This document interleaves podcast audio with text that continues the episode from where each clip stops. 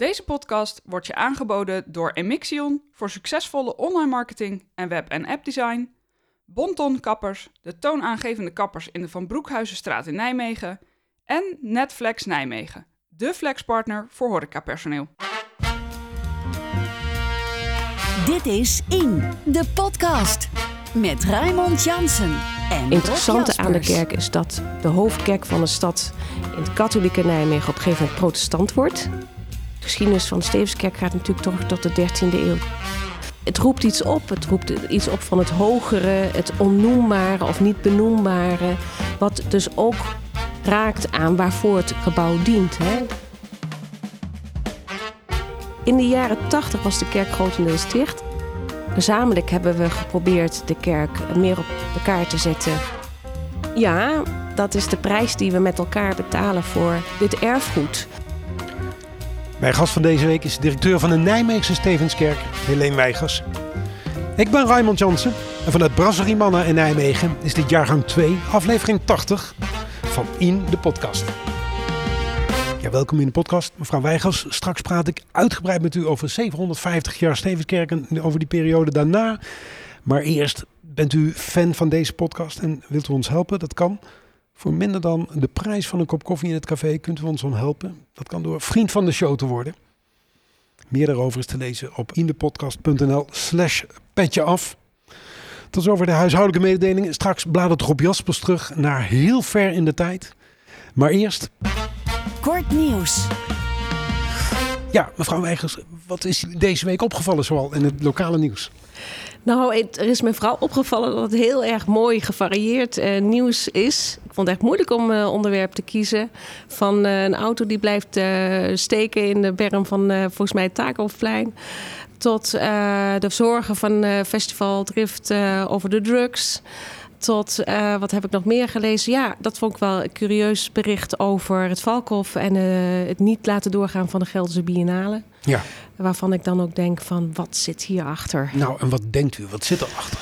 Ik weet het niet precies. Ik denk een, eh, ja, een verschil van mening over eh, de manier waarop, of inhoudelijk zou het kunnen zijn. Ik weet niet precies, maar het maakt me wel nieuwsgierig. Want ik kan me voorstellen dat er heel veel afspraken zijn gemaakt met de kunstenaars. En dat kunstenaars objecten hebben Ja. gemaakt. Ik hoop dat het meevalt. Ik hoop dat het allemaal nog door kan gaan. en Dat we kunnen komen kijken. Was u gegaan als u... Als Zeker, ja? zeker. Ja, het is altijd een heel bijzonder eh, eh, kunstmanifestatie om mee te maken. Ja, Ja.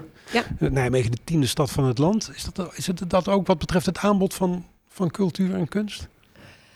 Eh, dat weet ik niet. En ik weet ook niet of ik dat belangrijk, of dat belangrijk is. Ik denk dat het belangrijk is dat mensen eh, naar inspirerende eh, tentoonstellingen of muziekuitvoeringen of concerten komen of manifestaties. We zijn natuurlijk wel een hele belangrijke festivalstad.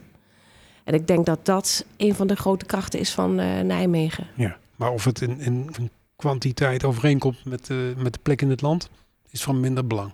Ik denk dat het belangrijk is dat de, de stad en de bewoners de kunst omarmen. En ehm, wat het dan voor soort of type kunst is, of dat volkskunst is, of eh, hogere kunst, zal ik maar zeggen, of, eh, dat doet er eigenlijk niet toe. Eh, het belangrijkste is dat ook vanuit de gemeente onderkend wordt dat dat een belangrijk onderdeel is van het leven. Ja. En soms weten mensen dat. Het is altijd moeilijk om dat te denken van ik heb kunst nodig of zo. Zo, zo werkt het eigenlijk niet. Maar als het er niet meer is, dan merk je wel dat dan mis je dat. ja. En dan maakt u mooi het onderscheid tussen volkskunst en hogere kunst. Nou, ik bevoel bijvoorbeeld spelen in een band of een fanfare. Of eh, nou ja, wat we dan meer folklore noemen. Of ja, eh, ja. traditionele vormen van kunst. Maar die zijn. Eh, eh, vaak gaat het niet alleen om het ma- maken van de kunst, maar ook het samen maken. Dus dat die eh saamhorigheid of dat gezamenlijke. En dat meteen dat verbindende. Dat is een, een van de belangrijke krachten ook van cultuur, vind ik. Ja, cultuur verbindt. Absoluut. Dit is In, de podcast. U hoorde al mijn gast van deze week, niemand minder dan de directeur van Nijmeegse Trots, de Sint-Stevenskerk, Helene Weigers. Welkom. Ehm, Dankjewel. u bent Nijmeegse en u studeerde kunstgeschiedenis. Ja. Nou, een betere baan dan directeur van de Stevenskerk kun je je dan amper voorstellen. Nee, dat klopt. Dat is absoluut zo. Dus de, de roots liggen hier. Eh, en ook de belangstelling voor de geschiedenis van de stad, die ik altijd heb eh, gehad. Ja. Eh, en de affiniteit natuurlijk met eh, middeleeuwse architectuur, met kunsten die daaromheen eh, daarmee verbonden zijn. Die, ja, die, die, die had ik in mijn bagage. Dus Ja. dat is zeker een onderdeel van, van het werk. Ja, u bent geboren in Nijmegen, weliswaar opgegroeid in Milsbeek. ehm, Ja, dat klopt. Maar wel altijd in Nijmegen blijven komen.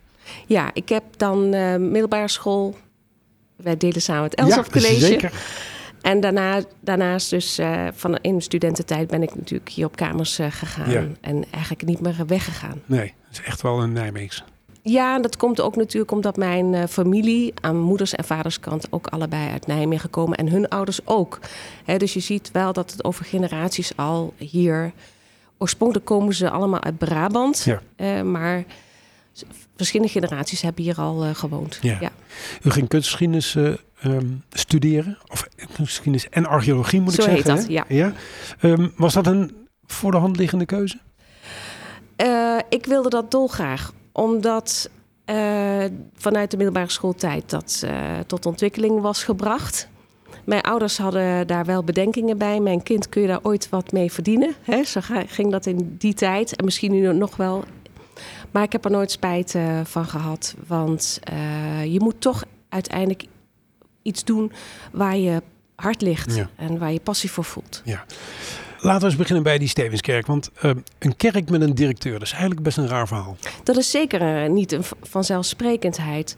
Maar het is zo dat in Nederland er op dit moment een twaalftal stadskerken is dat eh, beheerd, bestuurd, georganiseerd wordt door een directeur. En dat is een bewuste keuze. Vaak zijn dat overigens, eh, het ligt eigenlijk wel voor de hand eh, van oorsprong protestante Ja. kerken, die dan het beheer overgedaan hebben naar een particuliere stichting. En op een gegeven moment, aanvankelijk zijn die stichtingen dan ja, worden bestuurd door stichtingsbesturen. En dan ziet men toch de noodzaak dat er professioneel beheer moet komen om die kerken te kunnen eh, onderhouden en ook te vaak te exporteren. En dan komt zo'n directeur in zicht. En zo Ja. is het hier ook precies zo, zo is het bij de Stevenskerk ook gegaan. Ja, het, werd wat, wat groter. Het werd allemaal wat groter. En eh, de behoefte om eh, eh, ja, een, iemand die het overzicht eh, behield, maar ook in kon gezet worden voor fondsen. Want je ziet dan op een gegeven moment dat fondsenwerving wordt een belangrijk onderdeel van het takenpakket. En fondsen willen dan ook vaak dat daar een professionele organisatie achter zit. En dat niet dat zij sterk, met sterk wisselende besturen moeten eh, handelen. Ja. Dus dat is wel vaak een voorwaarde ook voor fondsen om eh, ja, te doneren. Ja. Nu zie je dat heel veel kerkgebouwen andere functies krijgen. en sowieso het kerkbezoek, ehm, actief kerkbezoek afneemt. Al eigenlijk sinds de jaren tachtig, dat, dat, dat die secularisatie toe, toeneemt. Hoe voor de hand liggend was het eigenlijk dat de Stevenskerk een kerk zou blijven? En geen appartementencomplex of een, eh, een theater of wat dan ook. Een boekhandel zoals in, eh, in, eh, in Maastricht. Ja, dat is, dat is een goede vraag. Maar tegelijkertijd denk ik van voor mezelf, denk ik ja. Het komt niet in vragen om Nee. maar zo te zeggen. Hè, want het, volgens mij is het een belangrijke, de kerk van belangrijke toegevoegde waarde voor de beleving van de Nijmegen als een oude stad. Hè, niet per se de oudste stad, want dat moet je even, moet je even zoeken. Maar als historische stad eh, met een lange geschiedenis. En belangrijk is eigenlijk te weten dat de kerk altijd heel sterk met eh, de geschiedenis van de stad, met zijn omgeving verbon- verbonden is geweest. Dus als je dat verhaal wilt vertellen, dan heb je die kerk ja, nodig. Ja. Dan is dat een belangrijk ingrediënt voor, eh, voor je verhaal. Ja, dus dan zie je het eigenlijk meer als een soort historisch object, meer dan als een godshuis. Ja, wij kunnen ons dat misschien nu niet voorstellen, maar eh, in de oude tijden, ehm, zeker voor eh, de- kerk overging naar het protestant eh, geloof, want dat is misschien ook wel het meest, zou je kunnen zeggen, ehm, interessante aan de kerk, is dat de hoofdkerk van de stad in het katholieke Nijmegen op een gegeven moment protestant wordt. Heeft natuurlijk zo zijn redenen gehad, maar dat voor die tijd de kerk niet alleen maar voor geloofszaken werd gebruikt, maar ook hè, om bijeenkomsten te organiseren. En er werd natuurlijk ook getrouwd en, en, en begraven en noem maar op. En dat was wel een hele belangrijke functie voor de bevolking. Ja, nu hebben we het over die belangrijkste kerk eh, van, het, eh, van de stad. Maar is het niet zo dat na de oorlog een kerk heel dicht bij de Stevenskerk ook geraakt was door bombardement en nooit meer opgebouwd is? Dus is Ja, er die- zijn meerdere kerken in het stadcentrum natuurlijk geweest. Ja. Hè? Op de Augustijnenstraat, Precies. De Augustinuskerk is Ja. volgens mij... die- Roerstraatskerk. Ja, En, en natuurlijk wel deels herbouwd de Molenstraatskerk, de Canisiuskerk. Dat waren inderdaad vaak dat waren hele grote kerken. ja. Eh, Maar die, waar, weet u waarom eigenlijk die Stevenskerk wel weer eh, in oude glorie is hersteld en die andere kerken niet? 100% zeker durf ik dat niet te zeggen, maar voor een groot gedeelte wel he- 19e eeuwse herbouw. Mhm. En dus de geschiedenis van de Stevenskerk gaat natuurlijk terug tot de 13e eeuw. Dus daar zit ook wel cultuurhistorisch, zit daar, eh, ja, rijk je tot in die 13e eeuw. En die sporen, eh, onderdelen zi- zijn er ook nog Ja. zichtbaar in de kerk. Ja.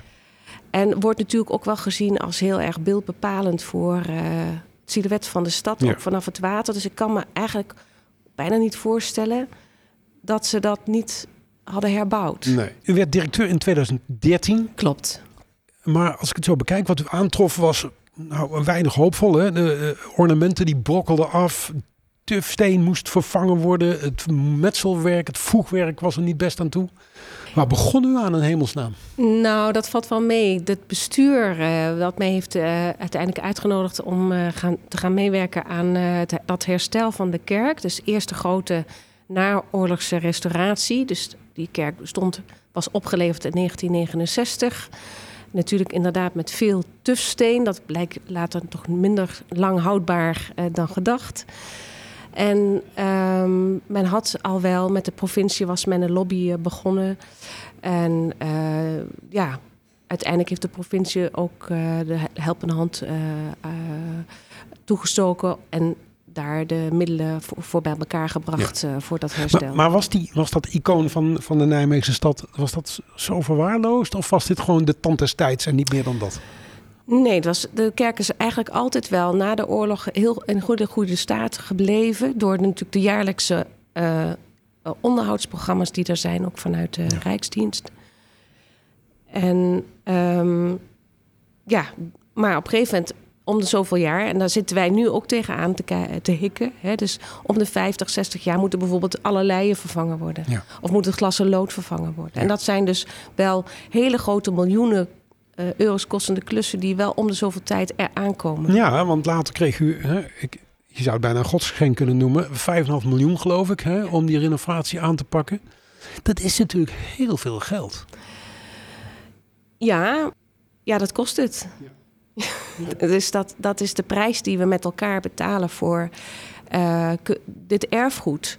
Wat zo eh, beeldbepalend is en wat ook zoveel gebruikt wordt. Hè? Ja. En, eh, dus dan, als je omrekent per bewoner van de stad of per bewoner van Nederland, dan valt het allemaal wel mee hoor, wat we daaraan eh, kwijt zijn. Ja. Om toch die grote gebouwen waar we toch zoveel plezier aan beleven, om die in stand te Ja. houden. Nee, ik begrijp natuurlijk dat, dat bepaalde bedragen er gewoon voor staan en dat je Ja. die hebt te nemen. Maar in een tijd, zeker in deze tijd, hè, waarin het heel veel gaat over geld, het heel veel gaat over dingen eh, die, eh, die ook aandacht behoeven, ook financieel, zijn dit enorme uitgaven. Ehm, is dit, blijft dit ten alle tijde te rechtvaardigen, dit soort, dit soort uitgaven? Ik denk van wel, omdat het zijn ook vaak hele belangrijke constante factoren in het leven van mensen of in de, in de ple- plek waar mensen wonen. Waarbij je dus zo'n gebouw ziet als een, eh, ja, de verbeelding ook van hoe wij ons hebben ontwikkeld door de eeuwen heen. En dat, daar kan je dus naar blijven kijken. Daar kan je je hand op de stenen leggen en zeggen van hé, hey, daar hebben de eeuwen daarvoor ook mensen gelopen en die hebben hun handen hier ook neergelegd. En die verbinding, ja, die is belangrijk om, om te weten ook waar je vandaan komt, eh, wat er, eh, ja, de hele context, hoe je, hoe, hoe je in het leven staat. Ja. Tenminste, zo, zo ervaar ik het zelf. Ik kan Ja. natuurlijk niet van anderen invullen. Ik hoor twee dingen. Verbeelding en ehm, eh, verbinding eh, Ja. die zo'n kerk met zich meebrengt. Die, die verbeelding, daar blijf ik even bij hangen. U zegt, hè, je legt je hand op de stenen en honderden jaren daarvoor hebben mensen dat ook gedaan daar. Is dat een verhaal wat je voldoende kunt vertellen? En spreekt dat nog tot de verbeelding anno 2022? Ja, ik denk het wel. Ja? Ja, ik denk, ik heb het heel erg het gevoel, je moet natuurlijk wel opwekken, je moet het voor het voetlicht brengen, je Ja. moet het aanbieden als het ware. Maar ik geloof zeker dat eh, mensen daar eh, gevoelig voor zijn. Eh, en dat zie je eigenlijk al als ze de kerk binnenkomen. Dan gaat de blik automatisch omhoog. En de manier waarop zo'n kerk gebouwd is, geen kantoorgebouw. Het is, geen, het is, het is iets wat iets verbeeld wat misschien ook wel niet zomaar ma zo makkelijk benoembaar Ja. is, maar wat men wel ervaart. Wat verbeeldt het? Want u komt daar natuurlijk vaker dan wie dan ook. Ja. Wat verbeeldt het voor u? Ehm, dus de Stevenskerk, of het gebouw zelf, is voor mij een prachtige eh, eh, voorbeeld van hoe architectuur eh, streeft in, in de elegantie en in het plattegrond en met alles wat je, wat je daar kunt zien naar een. ehm, het roept iets op. Het roept iets op van het hogere, het onnoembare of niet benoembare. Wat dus ook raakt aan waarvoor het gebouw dient. Hè? Dus de, de, een geloofszaak, het geloof in het hogere, het dichter bij God zijn. En daar hoef je eerlijk gezegd niet eens speciaal gelovig voor te zijn om dat te kunnen ervaren. En verbinden, dat doet het ook. Verbinden doet het zeker ook. Dat deed het vroeger al. En dat doet het nog steeds. Dus wat je ziet bij de Stevenskerk is dat in de programmering, waarbij overigens iedere zondag er nog ecumenische diensten zijn. Dus de kerk wordt ook wel degelijk nog als kerk eh, gebruikt. Maar alle initiatieven eh, die er zijn, ook, of veel initiatieven vanuit de bevolking. Als het gaat om concerten of exposities of eh, bijeenkomsten. Denk ook aan de Radboud Universiteit. Ja, die vinden plaats in de Stevenskerk. En dat, die activiteiten krijgen iets extra's mee doordat ze daar plaatsvinden. Dus ik ben heel erg geneigd om te zeggen eh, dat het gebouw van grote toegevoegde waarde is voor datgene wat zich daar afspeelt. Terugbladeren.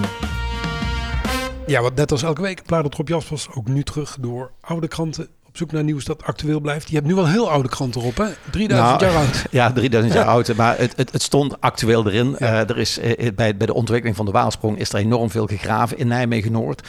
Er is toen heel veel geld beschikbaar gesteld. Gelukkig dankzij acties van de helaas overleden archeoloog Jan Thijs. Ik geloof Ja. 30 miljoen gulden was dat beschikbaar. Eh, soms wilde een wethouder dat wat minder, maar er is toch veel gegraven. En maar de opgraving is één. Maar daarna moet je het verhaal optekenen van die opgraving. Om dat even aan te geven, in, in het depot in Nijmegen liggen 30.000 curve kratten waar eigenlijk verhalen in verstopt zijn. En, maar dat kost veel tijd en energie. En Van de Broeke, dat was een oud archeoloog, die is met pensioen gegaan en die dacht van één opgraving ga ik toch nog helemaal uitwerken. Ik schrijf het verhaal op en die kwam tot ontdekking eigenlijk, of die heeft vastgesteld, we hadden in Nijmegen-Noord al 3000 jaar geleden een sauna. Dat, voor mij was dat toch een beetje aanleiding van God om toch nog eens een keer terug te gaan naar die vindplaatsen van de archeologie in, in het Waalspronggebied. En bijna is mijn conclusie. Wij zijn altijd trots op de oude stad Nijmegen, het Romeins verleden, het het Valkhof, et cetera. Maar als je gaat kijken naar de overkant, de Betuwe, dan vind je daar de verhalen dus van 3000 jaar terug, maar ook van de ijzertijd, de bronstijd. En, als je ja. daarnaar gaat kijken, dan die, sauna is, is, is, is top. Maar we hebben bijvoorbeeld ook eh, de tenenzuigers gevonden. Hè? Eh, De tenenzuigers? De tenenzuigers, dat, dat waren eh, mensen, een, een graf, eh, 800 voor Christus. Daar lagen de beenderen van een man en een vrouw, waarbij ze omgekeerd naar elkaar lagen. Dus ze zuigden aan elkaar stenen. De verklaring daarvan is nooit gevonden. En, maar dat vind ik zo fenomenaal. Je, je, je woont in een wijk, je vindt zoiets. Ja, dat is zo fenomenaal om, om te vertellen naar mensen. En bijvoorbeeld ook, men heeft graven gevonden in, in het land van eh Merovingers. Dat is in de vijfde eeuw. Waar men eh 70, 80 graven gevonden heeft. Waar men unieke kralenkettingen gevonden heeft. Eh, da- daar kun je een, een, een verhaal bij vertellen. Men heeft in 1999 heeft men het, eh, het in een graf van de vijfde eeuw gevonden. Een skelet met echt bijzondere sieraden. En dat heet de man van Lent. Dat is ook in een folder neergezet. Nou, je zou dat bij die nieuwe bewoners kunnen neerleggen. En, en ook uniek was, men was geweldig trots. Men vond voetstappen. Voetstappen van mensen 2500 tot 1000 jaar geleden. Die heeft men met een gipsen afdruk gemaakt. E- e- Even, je woont in een gebied waar je het, het, het verleden vindt van 2500 jaar geleden met voetstappen van een, een volwassene, maar ook van een kind. Men vond daar ook eh, eh, skeletjes eh, bij. Ja, ik vind dat zo uniek. Ja. En dat, dat zijn verhalen, die, die, die moet je delen met die mensen in die wijk. Men heeft, even los van, we hebben natuurlijk Fort Knotsenburg. Hè, die restanten vinden we. We hebben bij de opgraving van de Nevengeul ook gezien dat er een enorm kasteel was in Lent. Ja. eigenlijk een kasteel dat een soort knipoog maakte naar het Valkhof. Want het was groter dan we ooit gedacht hadden. Dus eigenlijk een knipoog van j- jullie daarboven hè, met dat grootste Valkhof. Wij en Lent hebben hier ook iets geweldig groots. En misschien wel de meest bijzondere vondst is eigenlijk... We hebben 2000 jaar opgeschreven. De Romeinen komen naar Nijmegen. Die staan boven op de stuwwal. Die zien de Waal daar liggen voor zich. Het graven van de Nevengeul heeft helder gemaakt dat die Waal in die tijd eigenlijk daar stroomde. De Waal lag niet voor Nijmegen. Toen de eerste Romeinen kwamen, zagen ze eigenlijk voor de stad, voor, voor het casino, dat was dat toen niet, maar voor het, overigens hadden de Romeinen wel daar een gebouw bij het casino nog neergezet, zagen ze eigenlijk een drassige bodem. En de Waal liep achter Lent langs. En men heeft nu vastgesteld bij dat graven van die nevengeul, en de, de onderzoeken die opgeschreven zijn, ik, ik heb geloof ik 2000 pagina's daarover, dat eh, er ook een Romeinse haven geweest is. Dus als je het hebt over het verhaal van Nijmegen, oude stad en de overkant, eigenlijk zijn wij dus vanaf het begin met elkaar verbonden geweest. En, en de Romeinen keken al vanaf die overkant naar die stuwwal. Als je dat niet verspreidt onder de mensen die, die, die daar nu wonen, hè, die Betuwe, eh, is qua archeologie het verleden misschien wel 10.000 keer spannender dan eh, de oude stad Nijmegen. Als ik het zo beluister, dan hebben we dus heel lang in de stad gezocht. Maar ik hoor jou zeggen, aan de overkant, daar is minstens zoveel te vinden dus. En vooral, dan gaan we verder terug in de tijd. Ja. Daar kom je bij die boerderijen uit. Eh, kijk, in de stad vind- vinden wij in de bodem echt...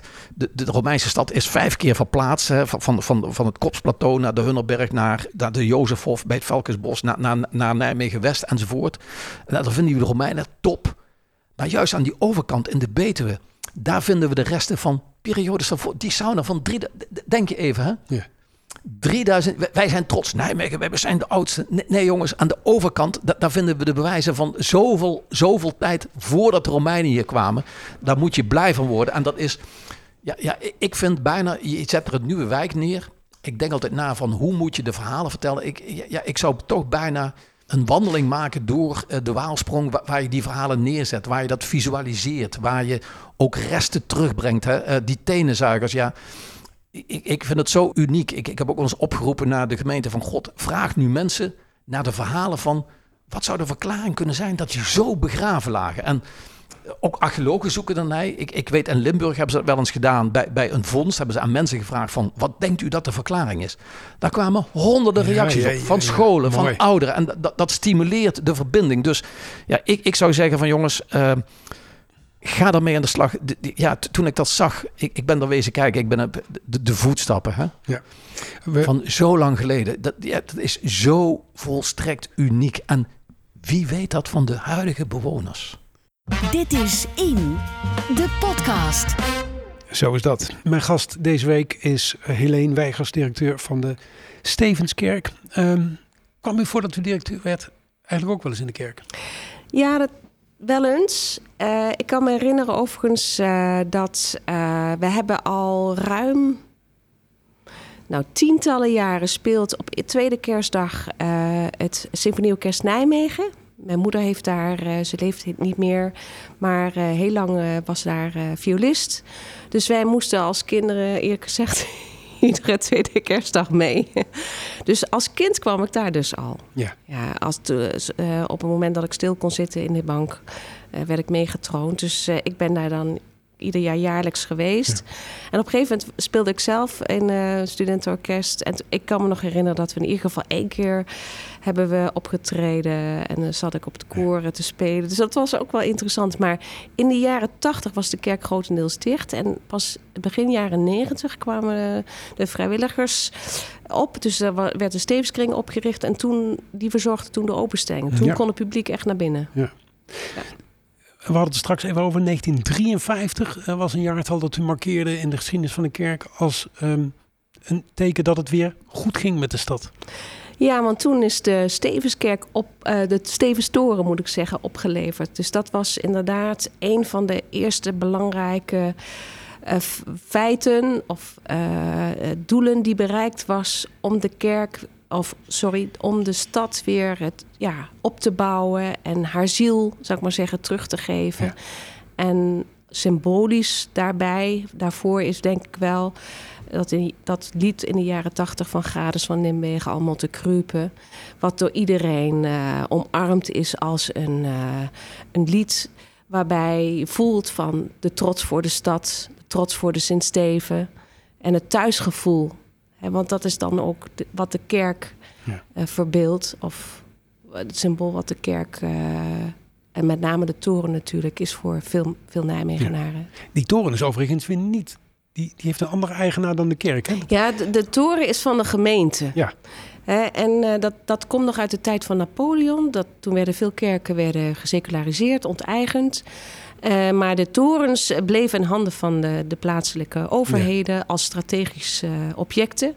En dat is eh, later, toen eh langzamerhand in de loop van de 19e eeuw... De, met name ook de katholieken weer hun oude rechten kregen... om, om hun geloof te uiten en Ja. ook kerkgebouwen op te richten. Toen, toen bleef dat in handen van de gemeente. Ja. Kreeg onlangs de blauwe steen uitgereikt. Ja, ik heb hem voor de gelegenheid Ja. erop Oh, dat zien de luisteraars niet, maar ik dacht, ik doe hem wel. eh, Ja, nou, ik zie hem in ieder ja. geval. Ehm, ja, die wordt uitgereikt aan mensen die zich verdienstelijk hebben gemaakt eh, voor de ontwikkeling eh, van de stad. Hè? ja. Volgens het juryrapport zag u ook ehm, de inhoudelijke betekenis van de Stevenskerk. En dat die toe was aan een opknapbeurt. Nu hebben we het al gehad over de kerk als, als gebedshuis. We hebben het gehad over de kerk als podium voor, voor concerten. Eh, we, hebben het gehad over de verbinding. Ehm, is dat wat, wat, wat bedoeld werd met die inhoudelijke betekenis en de opknapbeurt die dat nodig had? Nou, het- je kunt het op twee manieren zien. Ehm, het is zo inderdaad dat, en dat heb ik niet alleen gedaan, want er zijn wel meer mensen die bij eh, de Stevenskerk werken. Ik denk, eh, gezamenlijk hebben we geprobeerd de kerk meer op de kaart te zetten. Eh, als het gaat om eh, locatie voor eh, culturele uitingen. Van alles, hè, dus exposities waar we het net over hadden gehad. En het andere is natuurlijk het bijzondere verhaal van de kerk waar mensen ja, vaak geen weet van hebben hoe het allemaal begon in die verre 13e eeuw. Hè, hoe de kerk eruit zag in de, in de tijd voor het protestantisme. Maar ook in de periode daarna. eh, welke rol het heeft gespeeld als eh, belangrijk gebouw voor de gemeente, de protestante gemeente, die Nijmegen lange tijd Mhm. heeft eh, gehad. Hè, en ehm, ja, het is toch belangrijk om uit te dragen van wat de geschiedenis van de kerk en de transformatie, zal ik maar zeggen, die daarbij horen, ehm, ja. wat het is geweest. Want als je de kerk binnenloopt als, als zeg maar bezoeker, dan, dan kan je overkomen dat je denkt, waar kijk ik eigenlijk naar? Wat zie ik nou eigenlijk? Hè? Want je ziet een wederopbouwkerk en er zijn elementen uit de protestante tijd, uit de katholieke tijd. En het is soms moeilijk voor mensen om, eh, om door te hebben van eh, ja, hoe, hoe dat nou zit. Dus Ja. het is wel belangrijk om dat verhaal voor het voetlicht te brengen. Bent u daar genoeg in geslaagd de afgelopen tien jaar? Nou, dat is een eh, proces, eh, een ontwikkeling waar we aan werken. Dus eh ter gelegenheid van het masterplan waar we al langere tijd mee bezig zijn, ehm, hebben we ook nu zijn we bezig met een nieuwe publiekspresentatie. En daarbij één onderdeel is bijvoorbeeld een tour met een iPad, waardoor je op verschillende plekken een doorzicht krijgt naar hoe de kerk er vroeger heeft uitgezien. En dat zal denk ik wel heel veel helpen om dat dat zou ik maar zeggen, die, dat on, onbegrip klinkt zo, zo zwaar, maar toch eh, om dat begrip te bevorderen van die geschiedenis. Ik heb het over de afgelopen tien jaar, omdat u in januari uw afscheid eh, gaat Ja. ervaren. Dat klopt. Had u van tevoren bedacht, ik ga dit tien jaar doen? Of nee, ehm, maar zelf vind ik dat je op een gegeven moment naar jezelf moet kijken. Ja. Hoe sta ik er nog in? Eh, naar je omgeving moet kijken. Eh, en persoonlijk eh, vind ik dat je niet te lang moet blijven zitten. Nee. Als dat. je moet voor jezelf heel goed weten van ehm, wat ga ik de komende jaren toevoegen. En ik denk dat het heel goed is. We zijn nu halverwege dat masterplan. Dat iemand dat plan weer verder trekt naar een volgend niveau. En wat, eh, wat is het eh, plan dat u de aankomende tien jaar naar een hoger plan gaat trekken? Nou, mijn idee is dat ik ehm, de komende maanden, dus na mijn afscheid, eh, ga ik, ja, ik noem het maar even, een sabbatical nemen. Ehm, ik ben toch ook al vanaf mijn 24ste aan het werk geweest. En mijn idee is, nee, mijn besluit is in ieder geval dat ik een deel daarvan ga doorbrengen in een stad waar ik heel veel van houd en waar ik ook heel graag ben, en dat is Rome. De, de, de overeenkomsten zijn natuurlijk architectuur, verleden, geschiedenis. Ja, ik heb daar gestudeerd. eh, ook aan het Koninklijk Instituut daar. Ik heb daar mijn hele mooie herinneringen liggen. Eh, en ik wil, eh, en misschien is het wel een illusie, dat weet ik niet. Maar het idee is dat ik toch even weer terugkeer naar een plek waar ik me heel goed gevoeld heb. Waar ik me vrij gevoeld heb. Waar ik kon studeren en eh, door de stad lopen. En eh, ik wil eigenlijk wel weer ja, daarna terug. Mooi. Dus ze gaan het meemaken. Of dat eh, inderdaad ook, want ik ben natuurlijk veel ouder. Maar ik heb toch het idee dat, eh, dat wel heel veel dingen weer eh, samenvallen. Het zit er bijna op. Tot slot nog de column van Kiki, die nog even terugkijkt naar het debat over het Integraal Veiligheidsplan en naar het onderwerp dat volgens een deel van de Raad daarin ontbrak, namelijk de aandacht voor de veiligheid van de LHBTIQ-gemeenschap. Dit is In, de podcast. Ik ben op een feestje. Het is gezellig, er worden biertjes gedronken en herinneringen opgehaald en alles voelt even zorgeloos. Totdat iemand een grap maakt over een transgender actrice. Mijn lach verstomt. Ik zeg er wat van. De stemming slaat om en er hangt plots een spanning in de ruimte. Ik zit in een vergadering. Een collega presenteert een prachtige nieuwe postercampagne. We geven onze complimenten. Maar na het zien van alle foto's vraagt iemand: Zijn het alleen maar witte mensen? Ongemak. Je mond opentrekken over onrecht maakt het leven niet altijd gezelliger. Maar je mond houden maakt de wereld ook niet mooier. Voor mensen die hun mond opentrekken bestaat de term feminist killjoy. De feministische spelbreker. De doder van het plezier. Te herkennen aan reacties als... Ach, nu even niet. Laten we het even gezellig houden. Of... Moet het daar nu alweer over gaan? Een van mijn favoriete feministen, Sarah Ahmed, heeft de term feminist killjoy herclaimd. Zij zegt: In een wereld die onrechtvaardig is, word je gedwongen om gezellig te zijn als je wilt opstaan voor rechtvaardigheid. Het is niet de schuld van de feminist dat hen de sfeer verpest. Het is de schuld van degene die de flauwe grap maakt. Van de organisatie die even was vergeten inclusief beleid te voeren. En dus claimt Ahmed trots een killjoy te zijn. Ik moest aan Sarah Ahmed denken toen afgelopen woensdag het Integraal Veiligheidsplan werd besproken. Raadsleden vroegen waarom niks wordt geschreven over veiligheid van de LHBTQ-gemeenschap. En waarom discriminatie niet expliciet als focuspunt wordt genoemd. Portefeuillehouder Bruls maakte duidelijk dat deze onderwerpen natuurlijk belangrijk zijn, maar niet thuis horen in dit plan. Dit plan, zo legt hij uit, gaat immers over nieuwe impulsen. En met de veiligheid van queerpersonen en met racisme is de gemeente al bezig. Die zaken staan bovendien al benoemd in het regenboogbeleid. Dat zei hij. En het klonk mij in de oren als nu even niet en daar gaat het nu niet over. Maar dat is niet hoe een regenboogbeleid werkt. Als je van Nijmegen echt een fijnere plek wilt maken voor queer personen of voor mensen die racisme ervaren, moet je hun belangen altijd expliciet centraal stellen in je beleid. De Nijmeegse regenboogagenda klinkt prachtig. Ik heb het even gecontroleerd en het woord veiligheid komt er inderdaad maar liefst 21 keer in voor. Dat duidt op goede intenties, maar het betekent ook dat er schijnbaar nog veel werk aan de winkel is. Een regenboogagenda zou niet nodig zijn als iedere Nijmegenaar en iedere beleidsmaker al automatisch de belangen van queerpersonen meeweegt. De regenboogagenda is de intentie. Om de doelen te halen moet ieder relevant beleidstuk getoetst worden aan die intentie. De LHBTQ-gemeenschap is geen laatste alinea in een rapport. Het is ook niet een losse agenda waar telkens naar wordt verwezen. Het moet worden verweven in het handelen van de gemeente. En inclusief beleid is helaas nog niet de standaard. Een klein voorbeeld. Ik deed vorige week mee aan een rondleiding van de Rollende Mina's voor het Architectuurcentrum Nijmegen. De Rollende Mina's zijn een queer, feministisch skatecollectief. Zij vertelden dat het skateparkje bij de wedren slecht verlicht is, waardoor het voor vrouwen en queerpersonen onveilig is in de avonden. Dat wijst erop dat beleidsmakers hier misschien met skaters hebben gepraat bij het ontwerpen van het park, maar niet met hen die in de skatecommunity in de minderheid zijn. Willen we Nijmegen echt veiliger maken voor iedereen, moeten we in ieder stuk, in ieder gesprek en bij ieder besluit onszelf eraan herinneren dat we de belangen van al die verschillende groepen moeten wegen. Aan een regenboogagenda op papier hebben mijn vrienden namelijk niks als ze worden lastiggevallen op straat. En dus pleit ik voor een raad vol feminist killjoys. Met raadsleden die weten dat er best mag worden gelachen, maar die ook beseffen dat volksvertegenwoordigers er niet zijn voor de gezelligheid, voor de goedlachsheid en zeker niet voor het blinde vertrouwen in het college en de ambtenaren. Een raad die niet bang is om weer over racisme of de LHBTQ-gemeenschap te beginnen. Zolang het nodig is, telkens weer. Dit was aflevering 80 van In de Podcast. Redactie en productie waren handen van Rob Jaspers en mijzelf. Ik ben Raymond Jansen. Montage en audio-nabewerking Thijs Jacobs. Heb je vragen aan ons? Mail dan naar redactie.indepodcast.nl Ook voor suggesties voor onderwerpen of voor gasten. En volgende week, dan zit Rob Jaspers hier weer.